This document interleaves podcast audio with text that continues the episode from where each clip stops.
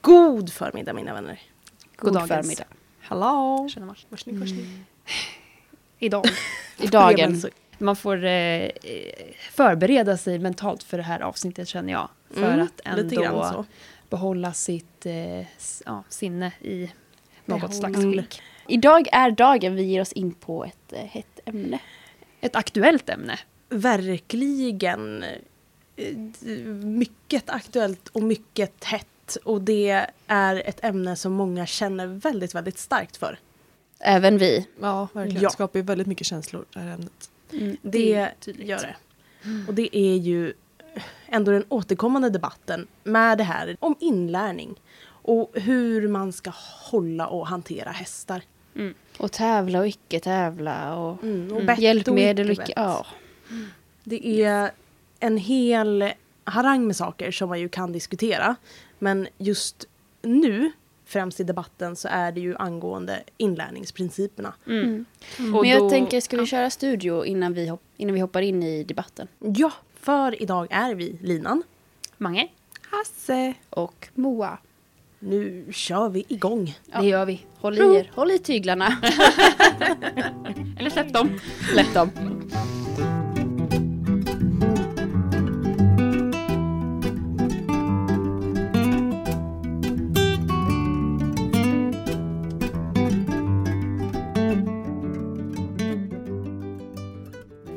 Dagens avsnitt har ju ändå inspirerats av Therese Lindgrens inlägg som kom ut. Det är ändå ett litet tag sedan nu, Mm. men det är fortfarande mycket som dyker upp kring det.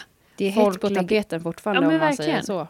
Det kommer artiklar och folk lägger ut på sociala medier och det är två läger vill jag nog ändå säga. Mm, verkligen. Så är det ju definitivt. Och jag tänker att nu var ju inlägget där som kom upp på Instagram lite grann droppen som gjorde att bägaren rann över. Det här är ju någonting som har varit aktuellt väldigt, väldigt länge. Och som ju vi också hela tiden försöker eh, komma med information om hur just inlärning och sådär fungerar. Hon gjorde ju en sån sökannons om att hon ville ta hand om en häst som tränades belöningsbaserat. Mm. Och det här fick ju hästvärlden att gå locko. Exakt. Jag tror att den största faktorn i det hela är att det är en icke-hästmänniska som kommer Mm. in och påpekar hur hästmänniskor hanterar sina hästar. Varför kan man inte acceptera att hon inte vill använda bett, spö och spara? Nu är det nog inte hennes tanke att hon ska rida, Nej. men hon vill ju komma till en häst som inte ägaren använder det här på. Mm, Varför kan man inte acceptera det? Verkligen. Och det är ju på samma sätt som att någon hade gjort en sökesannons om en häst som rids med bett, eller en häst som tävlas. Har man inte en häst som ska tävlas, då svarar man inte på en sån Nej. annons. Nej. Och det är ju inte någonting som personer som inte tävlar med sina hästar tar illa vid sig av. Eller personer som rider dressyr. Om det är så att man rider dressyr och personen i fråga söker en hopphäst. Då, Då hör svarar man man, ju inte. Nej, då Nej. svarar man inte på en sån annons. Nej. Men jag tror att problemet i det här är ju de otroligt stora missuppfattningarna som har skett när det kommer till inlärning. Och jag tänker att att man inte är hästmänniska människa och till och med då inser hur problematiskt det är, då ska man ju verkligen reagera som hästmänniska och bara oj shit, här kommer någon som inte egentligen har så mycket erfarenhet och kanske inte så mycket praktisk kunskap men ändå reagerar så starkt. Ja, och jag kan liksom inte låta bli att tänka att anledningen till att folk reagerar så starkt så fort det blir kritik mot hästsporten. För mig blir ju det, alltså det ringar ju illa att, man, att, man, att det är så känsligt. För att när det är så känsligt så tänker jag i alla fall att de personerna som tar väldigt illa vid sig, att det finns en anledning till att de tar illa vid Att sig. de känner sig träffade Mm. på att Ja. de gör fel. Mm. Det, det är någonting som jag ändå reagerar väldigt starkt på när man ser mycket av kommentarerna och folk som då är väldigt så, ja men jag är så besviken på dig för att du har tagit upp det här på det här sättet och det stämmer inte och lalala. För att tar man åt sig så kanske, kanske det ligger någonting i det. Det är att, precis som du säger, att man, är, man känner sig träffad. Att Mm. det kanske inte Mm. är så bra som man tänker att det är. Men att det är ju lite läskigt att behöva tänka om. Mm. För jag tänker att varför ska man ta åt sig om man nu tänker sig att man tar hand om sin häst så bra? Mm. Verkligen. För det gör man ju inte Nej. I så fall. om man inte är träffad. Nej. Och det var ju som sagt återigen de här svaren som inlägget har fått. Att ja, men, vi kommer inte kunna rida på våra hästar till slut. Mm. Och är det så att det är ens eh, största rädsla så innebär ju det att någonting utförs fel för att kunna dra den parallellen till det inlägget. För det var inte vad hon antydde. Nej. Hon skrev ju till och med, är det någon som rider sin häst belöningsbaserat? Alltså, det, allting har ju bara eskalerats från absolut ingenting Mm. till absolut allt. Mm. Och folk tar illa upp hit och dit. Och, ja. Mm. Mm. Det känns också som att det är lite hela den här diskussionen att de har glömt att hästar från grunden är ju inte, existerar ju inte på denna jord för att vi ska rida på dem. Nej. Det är ju flyktdjur och varför Mm. skulle flyktdjur vilja ha ett rovdjur som vi är eller primater eller i vilken diskussion man nu är i, Mm. ha dem på ryggen? Det går ju Mm, emot alla Ja. instinkter de har. Mm. Det Verkligen. gör det ju.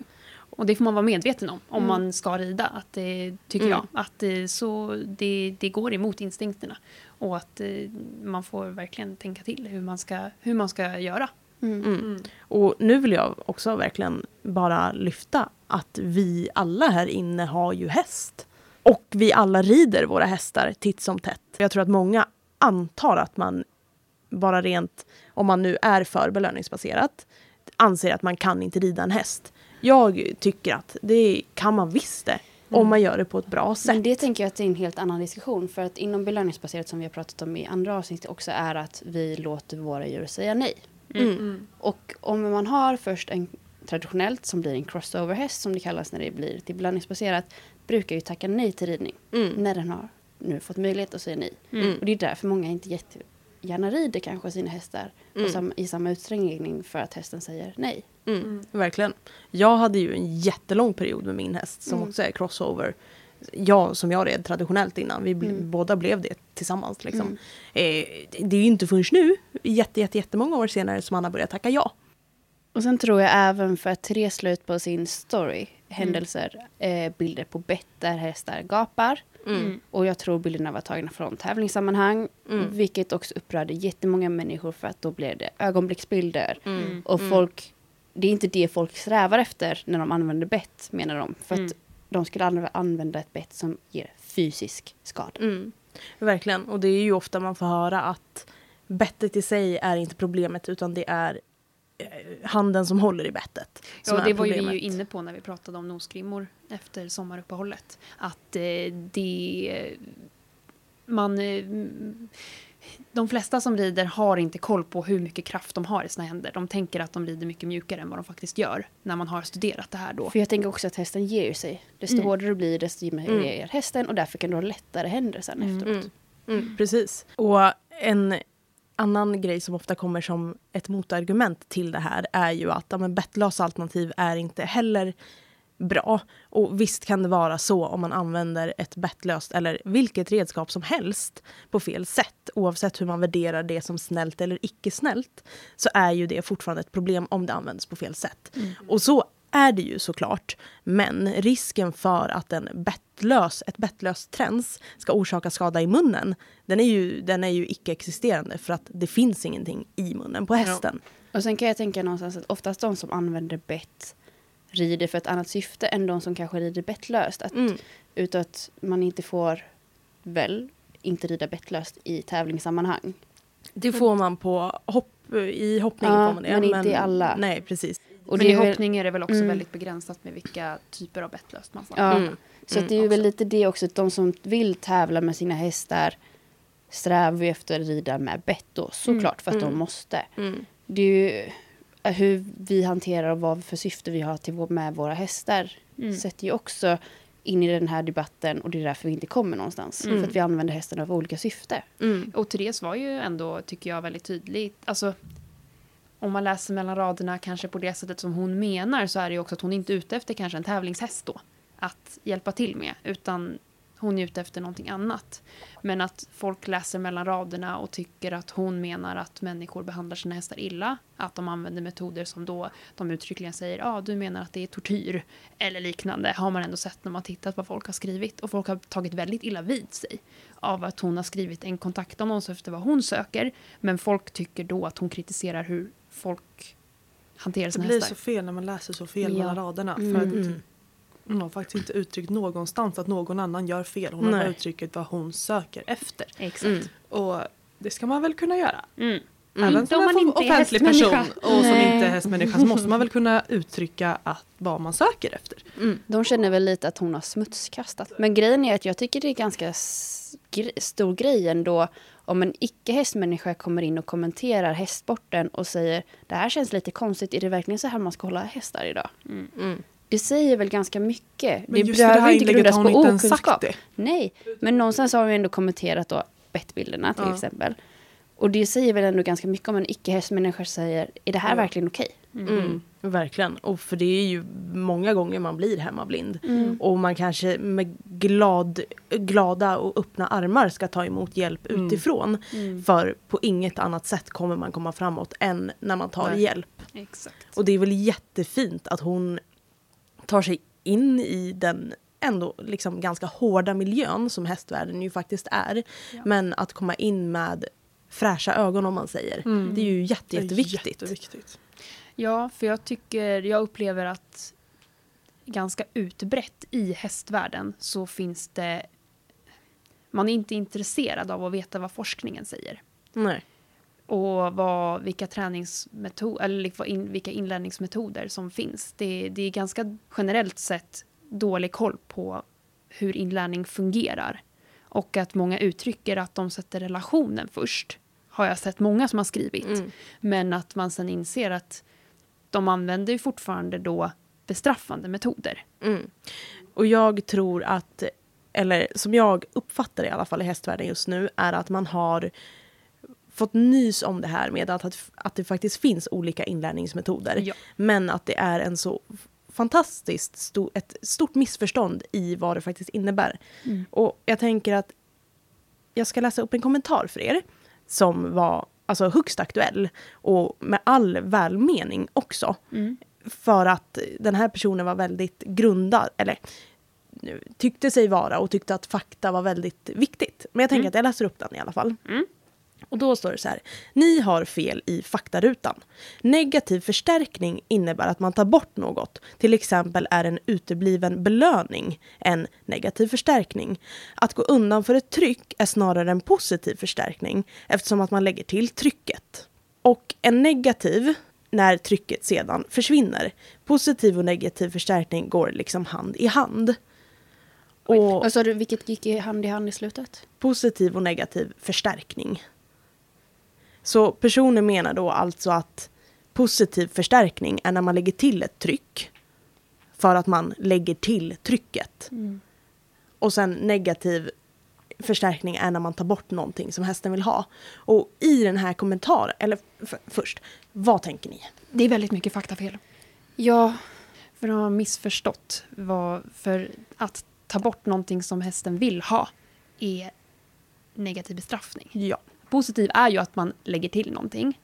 Men det är ju inte positiv förstärkning som är kopplat till negativ förstärkning utan det är ju positiv bestraffning som är kopplat till negativ förstärkning. Mm. Mm. Precis. jag tror att man måste tänka att det är matematiska termer. Positivt, du lägger till någonting, negativt, tar undan någonting. För som i hennes fall så har hon ju vänt på Mm. de matematiska termerna. Alltså för med negativ förstärkning, jag tycker också ibland, ibland kan jag också virra till det för att det blir mycket termer som, Mm. ja, på något sätt så. Det är Men- inte lätt. Med negativ förstärkning, det som förvirrar är ju att ja, man lägger till någonting. Men negativ förstärkning är ju just det när man tar bort det man har lagt till. Och Mm. man tar ju bort det som är obehaget. Mm.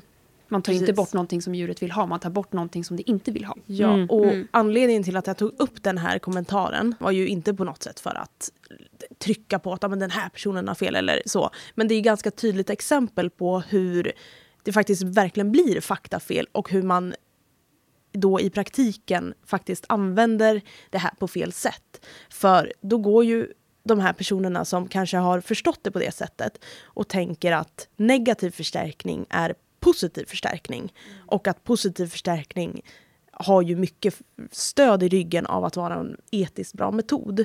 Och när man missförstår det på det här sättet så stannar ju utvecklingen av. Och det är av största vikt att faktiskt på riktigt sätta sig in i vad som är vad och inte skapa sig en egen uppfattning om hur inlärning fungerar.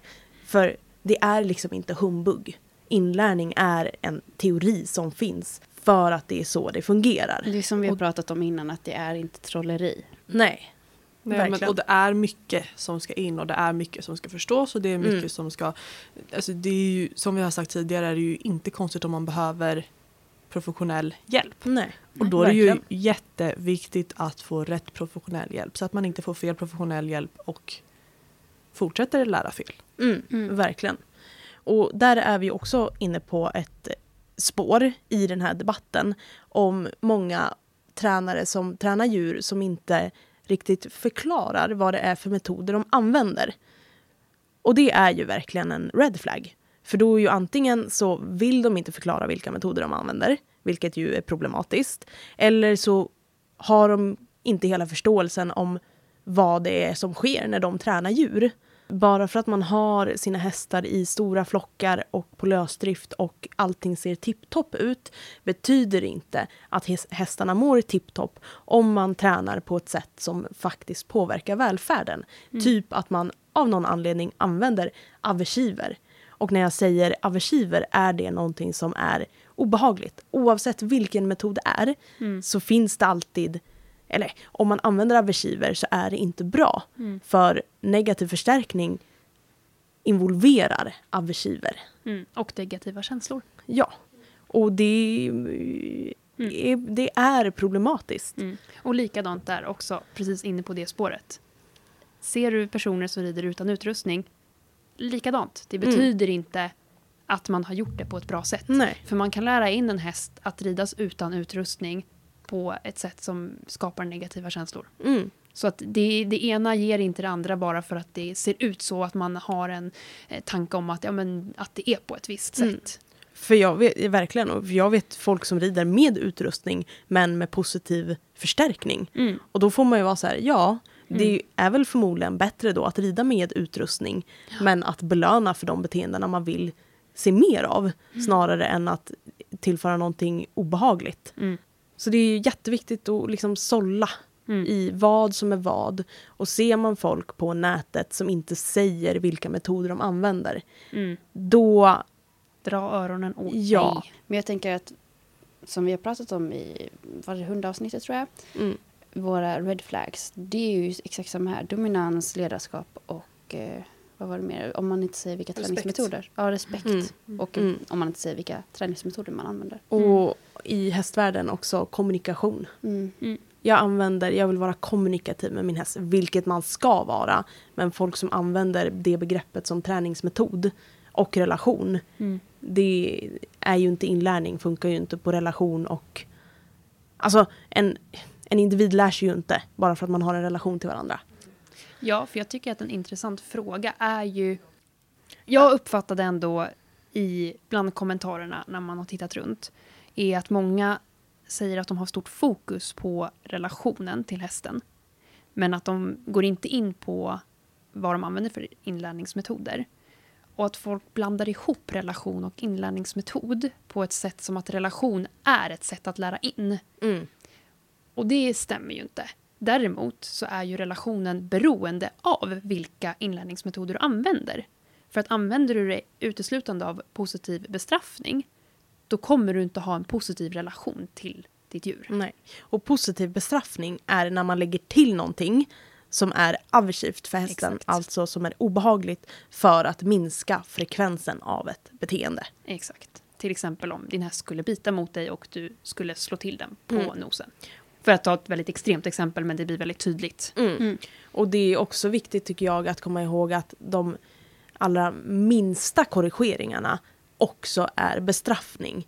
För är det så att beteendet minskar så har det skett en bestraffning. Då har ju djuret ändå upplevt det som obehag. Mm. Annars hade det inte minskat. Precis. Du kan inte säga att hästen tycker att det här är roligt om beteendet minskar. Nej, precis. Och det är ju så inlärningen fungerar. Mm. Och det låter ju hårt att oj, den upplever det som obehag. Men det är ju så det fungerar. Det är ju lite därför belöningsbaserat fokuserar på att det hästen gör rätt och ignorerar det som den gör fel. Mm. eller med alla djur som tränas belöningsbaserat. Precis, för en förstärkande metod innebär ju att man vill öka frekvensen av ett beteende. Och här har vi ju positiv och negativ förstärkning. Och negativ förstärkning involverar ju någonting som är obehagligt för att kunna öka ett beteende i slutändan. Men positiv förstärkning lyfter ju fram och belönar när man ser rätt beteende. Då lägger man ju till belöningen. Oönskade beteenden kommer ju minska i frekvens som gensvar till det. Och där får man ju själv välja vilken väg vill jag gå. Vill jag uppmärksamma det min häst gör fel eller vill jag uppmärksamma det min häst gör rätt? För det är ju det som händer när man använder inlärningsprinciperna. Och det är där också relationen kopplas in, att det blir lättare att bygga en relation där vi uppmuntrar hästen att göra rätt. Där vi belönar att nu gör den rätt istället för att hela tiden korrigera vad den gör för fel. Verkligen. Alltså, det är ju bara att tänka på sig själv. Exakt. själv Jag vill. Alltså, funderar på om jag skulle lyfta det. Är folk, det kanske sticker Ja. i folks ögon. Men, Men verkligen jag tror det är den. viktigt att lyfta Mm. att det är ju så. Man vet ju själv hur man Ja. mår om någon ska hela tiden påpeka vad man gör fel. ja. Mm. Det är ju som, vill man bli piskad eller vill man bli, ha en morot för det man gör liksom.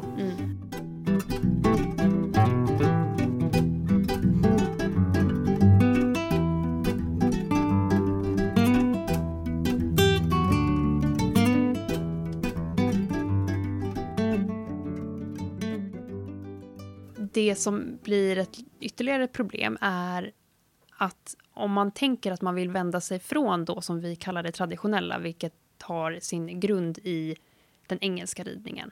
Eh, så, eftergift. Ja men precis, tryck och eftergift. Så vänder sig ju många då, när man då kanske om man börjar söka runt, som jag gjorde när jag var yngre, började söka runt, vad finns det för alternativ, vad kan man göra på ett annat sätt? Som vi alla liksom? har nog gjort i Ja, det här rummet. Mm. Och man hamnar ganska lätt in på natural horsemanship. Och det, Det är ett väldigt fint eh, begrepp. Det ett Det, väldigt låter fint väldigt, väldigt bra. ja. Gör det ju. Och det är ju grundat av Parelli, Pat Parelli, eh, som har då tagit fram, jag tror en stor grund var ju de sju lekarna, Mm. som ändå många kanske har hört om. Jag har liksom inte tittat närmare på det här, men var inne och kikade lite på vad, vad det faktiskt gick ut på. Och det vill jag också säga att de sju lekarna, att det också låter väldigt trevligt. Det låter att man ska leka med sin häst. För att bygga en relation. Ja, Mm. Men jag skulle inte säga att det bygger på lek. Utan det, är ju, det ser ju ganska fritt ut. För det är mycket det här att det ska vara ett långt grimskaft. Det ska vara fritt. Att de, hästen ska jobba fritt men att den ska söka kontakt till dig. Och så vidare. Och att det ser utifrån sett väldigt fint ut. Och en klassisk liksom, grej som ofta förekommer också är ju join-up. Mm. Och det finns jättemycket videos på det på Youtube om man vill titta närmare på det. Och det ser ju så himla häftigt ut och han kan stå där och förklara exakt vad hästen kommer göra när han gör, när han förändrar sitt kroppsspråk. Så kommer hästen att göra på vissa sätt och så stämmer det. Och det brukar folk imponeras av. Vi var inne på det med Sesta Milan. Det är lite samma sak. Det är lite här, eh, jag tänker det vill också bli fel för man tänker att det ser ut som magi. Och att vi pratar om med våra energier. Mm. Och det är ju det de som står i en rund korall och gör den här join-up-grejen. Mm. Det är ju det de verkligen pratar om. Det här med magkänsla, energi, man ska Mm. ha en förståelse för varandra som arter. Och att man ska vara ledare. Precis. Men det här är ju en väldigt, det är väldigt, väldigt långt ifrån sanningen. Och det är klassiska tryck och eftergift. Mm. Precis som det traditionella. Jag skulle nästan vilja argumentera för att natural horsemanship kör ännu hårdare på tryck och eftergift än vad den traditionella gör. På det sättet att det ställer väldigt höga krav på hästen att den ska vara lös och ha väldigt mycket utrymme, att det ska vara långa grimskaft och alltihopa. För att då hästen ska kunna bete sig som man önskar så behöver man ju ställa ännu högre krav Mm. på hästen. Och använda eh, större och mer obehagliga tryck också. Exakt. För det är ju det oftast man också glömmer bort när man ser videos på sociala medier oftast. Att man har inte sett processen när de använder de stora trycken. Mm. Eller de stora rörelserna. Utan man ser ju oftast när det är bara små, små rörelser Exakt. som inte ser ut att personen gör någonting. Verkligen. Och jag, jag tänker att om du nu som sitter och lyssnar youtuba upp ett klipp på Join Up Mm. och så kika på det. Och sen så kommer du tillbaka hit. För jag tänker att det kanske kan vara bra att vi berättar vad som faktiskt händer. Mm. Alltså lite grann steg för steg. Mm. För det är skitsvårt. Alltså jag hade ganska stora problem att se vad som faktiskt hände till ganska nyligen Mm. i en rundkorall. Vi kan ju faktiskt säga att du Mange tog kontakt med Renate för Ja. att faktiskt verkligen få svart på vitt vad är det som sker. Mm.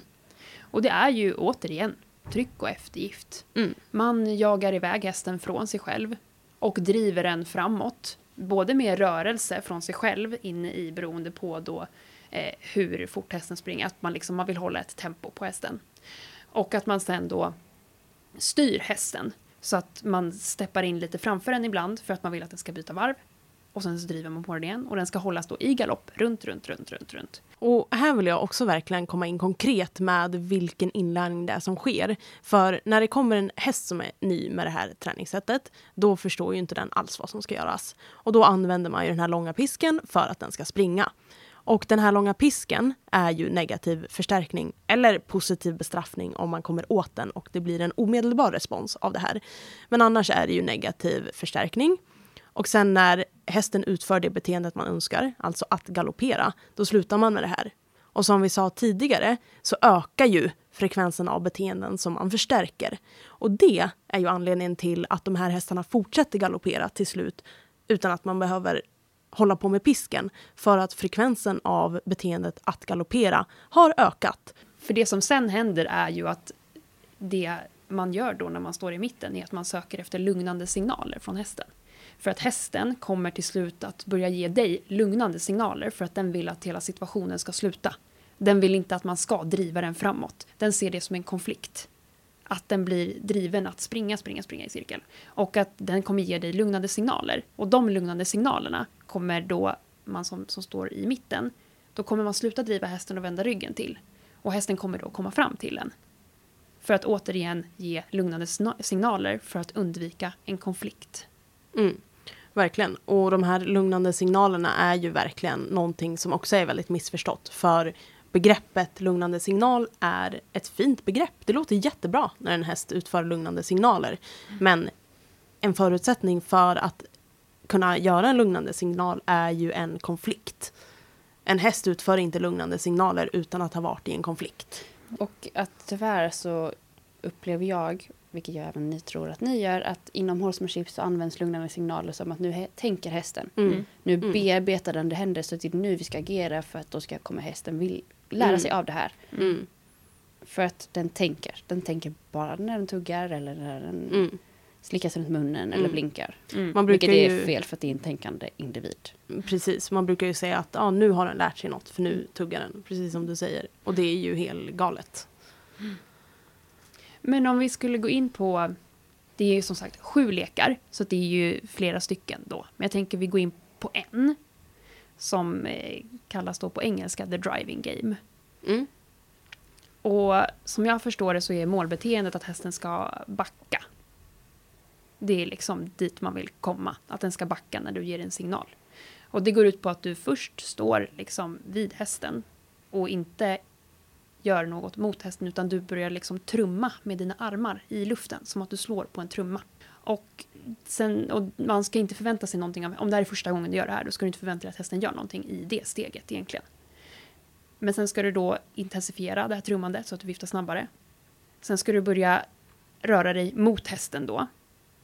Och att du ska Håller du i grindskaftet när du gör det här? Jag vet inte om hästen ska vara lös eventuellt. Okej. Eh, men eh, ja, alternativt ha en grimma då. Men du ska även ge en hård blick. För att du ska fungera som någon typ av dominant häst i en flock eller vad är anledningen Jag tror till? att det är ett sätt att eh, om man tänk, jag tror att de utgår mycket från att man ska bete sig som en häst i flocken.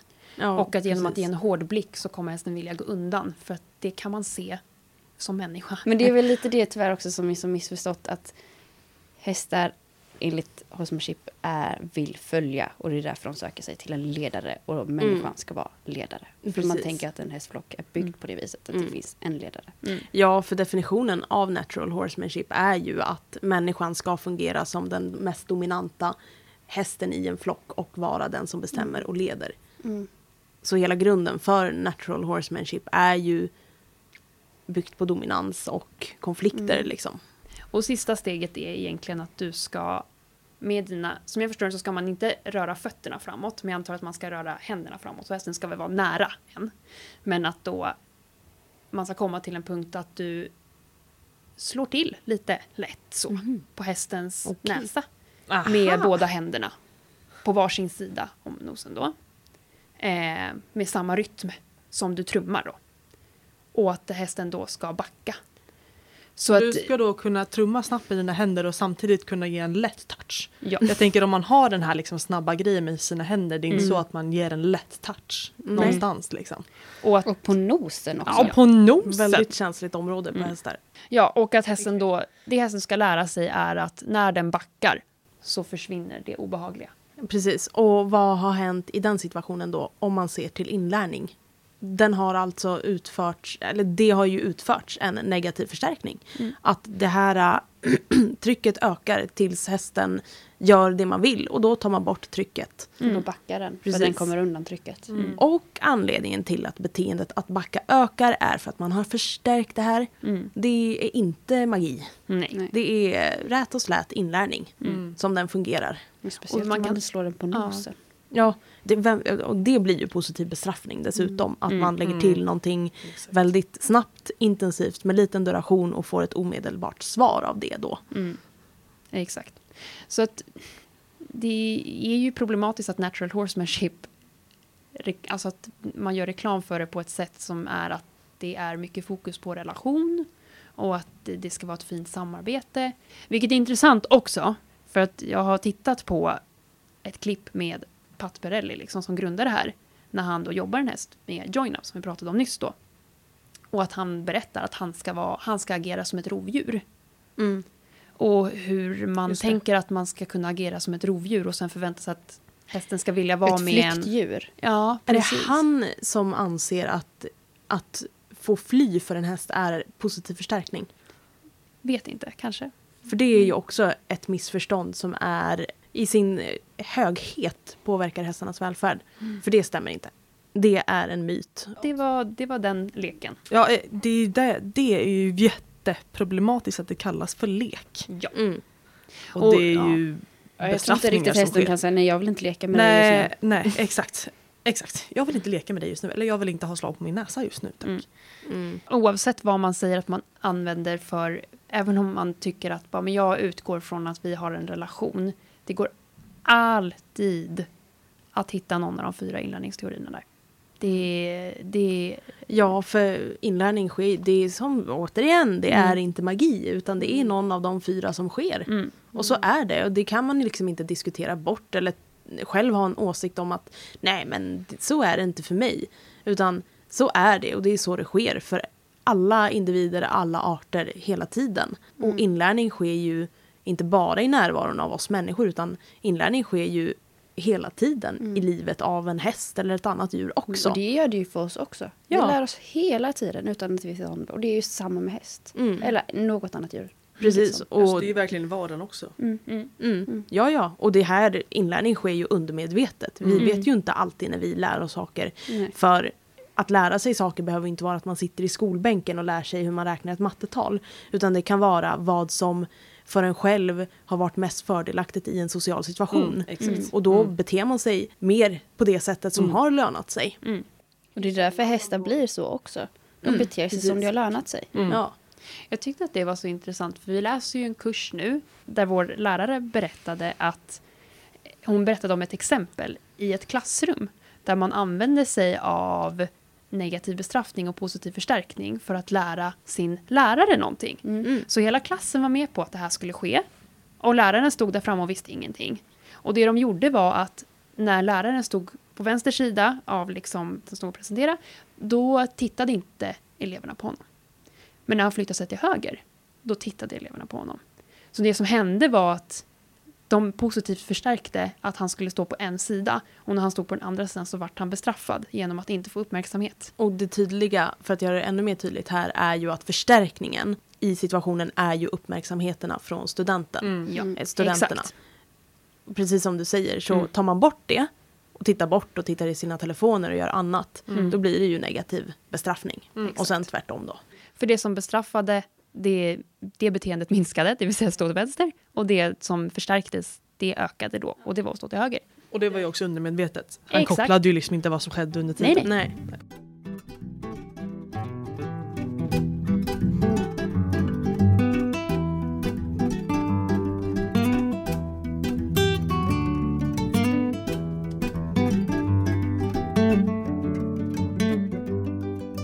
Men eh, gänget, ska vi prata lite om varför horsemanship har blivit så fint enligt eh, hästvärlden?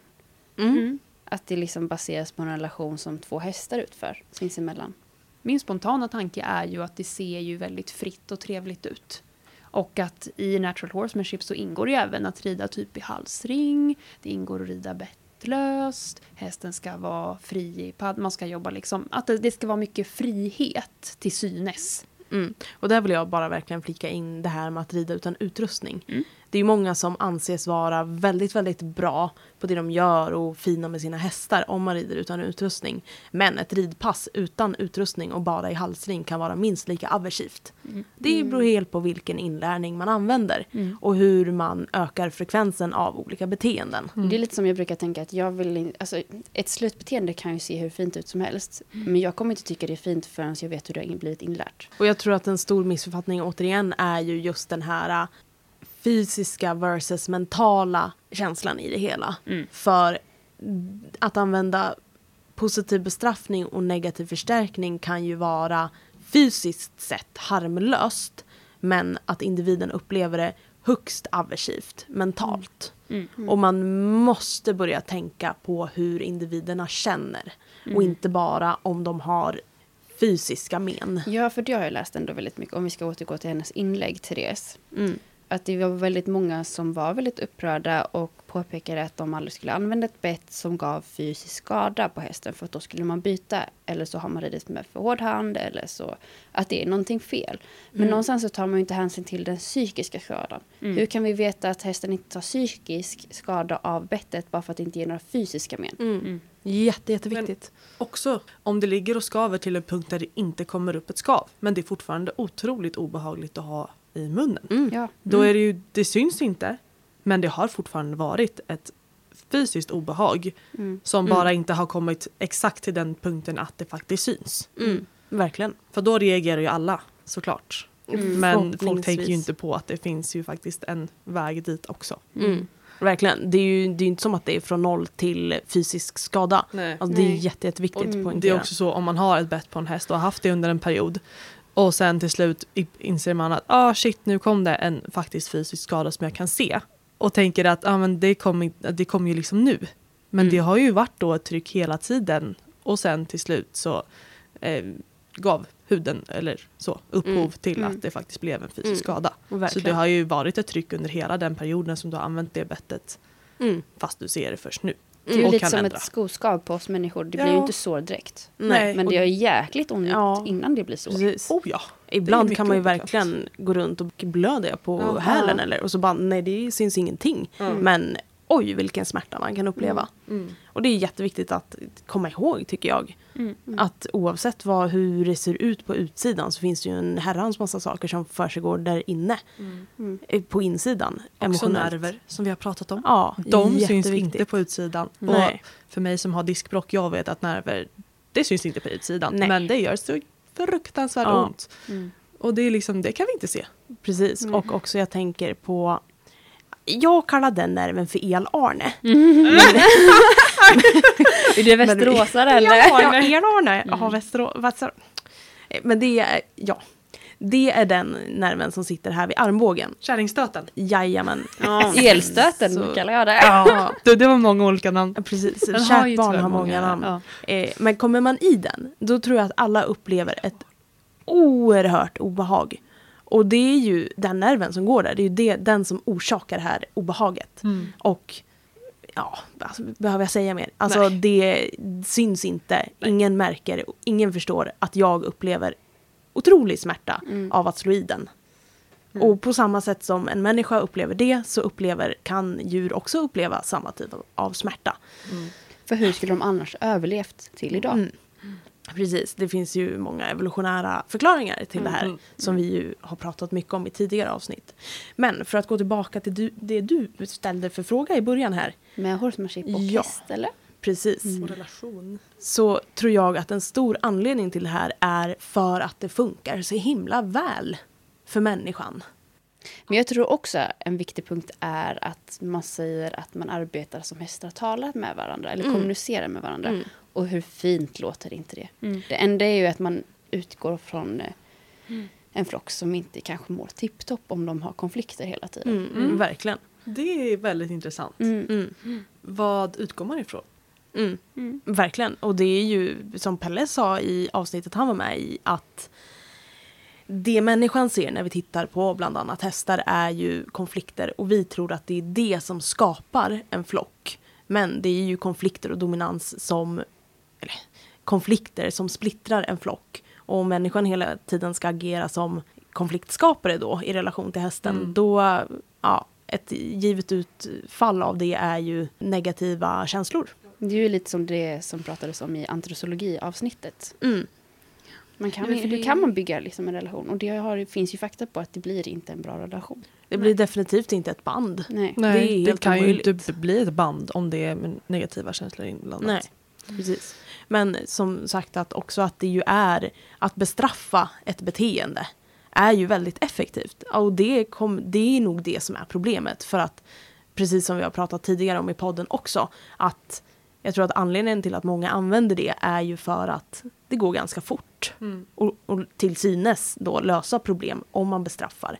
För som du berättade om den här trumman då, Mange, att om man gör det två gånger kanske så har hästen med största sannolikhet lärt sig det här. För att det är så pass obehagligt att bli slagen på sin mule att den backar för minsta lilla antydan som människan gör till att utföra det på Mm. individen. Men också så här, återigen. Varför skulle inte vi människan kunna göra så om hästarna gör så mot varandra? Mm. De Och där är inte illa ja. vid sig enligt vad folk ser. Mm. Eller tror sig se, rättare sagt. Och där Mm. är ju problemet med att vi tittar då på kanske en dysfunktionell grupp i en Ja. hage som kanske har väldigt mycket konflikter och så tycker vi att ja men vi kan ju bete oss likadant med hästen då men när vi är olika arter och den här flocken vill inte fungera på det här sättet. Mm. De har inget val. Vi har valt individer, vi har valt vilka Mm. resurser som är begränsade, vi har valt exakt allting för dem. Och keyword, vi är inte samma art. Nej. Och Nej. vi bestämmer allt. Ja. Mm, verkligen, för det är ju verkligen det. Hur ska människan någonsin på denna världsplanet kunna fungera som en häst i en Ja. flock? Mm. Det går inte. Det funkar inte så. Det är som att säga att människan ska ut till i Florida och leva som en krokodil. Ja. Alltså hur är det möjligt? Ja men alltså så här, nu tycker man ju att det känns så himla nära för att hästarna lever med oss. Men om man Ja. säger bara, ja men jag ska agera som en orm. Det är ju helt omöjligt. Mm. Alltså, Ja. Ja.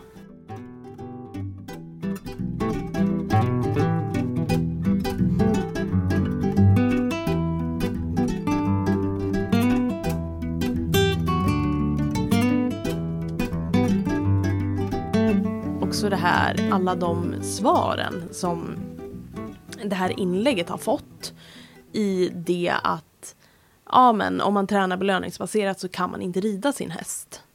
Vad tänker ni då? Då vill jag tipsa om en grej. Här kommer Eh, Moas tips. Moas tips här. Nej, Dagens men det är faktiskt en som har...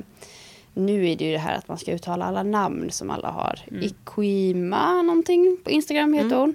Hon har i alla fall startat en hashtag, visa goda exempel. Ja, Mm. ja där folk bra. ska lägga ut eh, då när de eh, tränar belöningsbaserat för att visa att det blir inte monster av hästar. Och att det går att rida på hästar som tränas belöningsbaserat. Mm. Särskilj på utövaren och metoden vill jag säga där. Mm. För att det är en ongoing myt hos, eller myt är det ju inte för att det kan hamna där, men att belöningsbaserat leder till att hästar blir farliga, de tigger bara godis och att det är bara på det ena sättet och det tredje. Men att det istället handlar om att det har blivit bristfälligt i när man har tränat in då den här, med den här Mm. metoden. För att precis som är traditionellt då att det kan gå fel, så kan det gå fel när man använder belöningsbaserat. Och det ska inte sopas under mattan, så är det. Mm. Men att vara tydlig på att skilja på metod och utövare. För att om en person som inte har kuns- tillräckligt med kunskap inom belöningsbaserat och börjar träna med det, det kan gå fel. Mm. Oh, ja. Men det betyder inte att metoden i sig behöver vara dålig. Mm. Nej. Verkligen, jätteviktigt. Du kan ju göra exakt samma sak med en häst som tränas belöningsbaserat som en som tränas tryck och eftergift. Det är bara Mm. att hur du lär in det Mm. skiljer Mm. sig. Och jag skulle ju vilja påstå att möjligheterna till inlärda beteenden och att öka beteenden som vi människor önskar att se hos våra hästar. Den möjligheten är ju mycket större om vi använder positiv förstärkning. För återigen, då kan man skapa ett beteende typ så här trickträning. I, den, I det konceptet är det helt okej. för att det också är normaliserat. För det är ju fortfarande det, det är samma sak som med eh, tryck och eftergift. Så inom belöningsbaserat så är ju fortfarande tajmingen den otroligt viktigt. Mm. För att det ska ske en inlärning. Verkligen. Och det är väl det som gör att det, alltså, positiv förstärkning är svårt. Det är komplicerat och det, är ju liksom, det krävs att man har koll. För annars antingen händer ingenting eller så blir det fel. Och det är väl därför många faller tillbaka på negativ förstärkning. Att det är lättare att använda.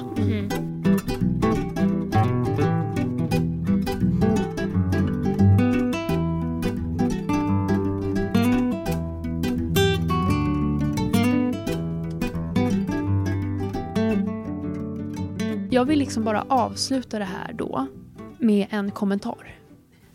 Från det här inlägget då som Therese la upp. Okej. Och det, jag tycker ändå att, det, att vi liksom bara avslutar på den. För att jag Mm. tycker att det är liksom en tankeställare. Det som inte tål att ifrågasättas håller inte heller att tro på. Wow.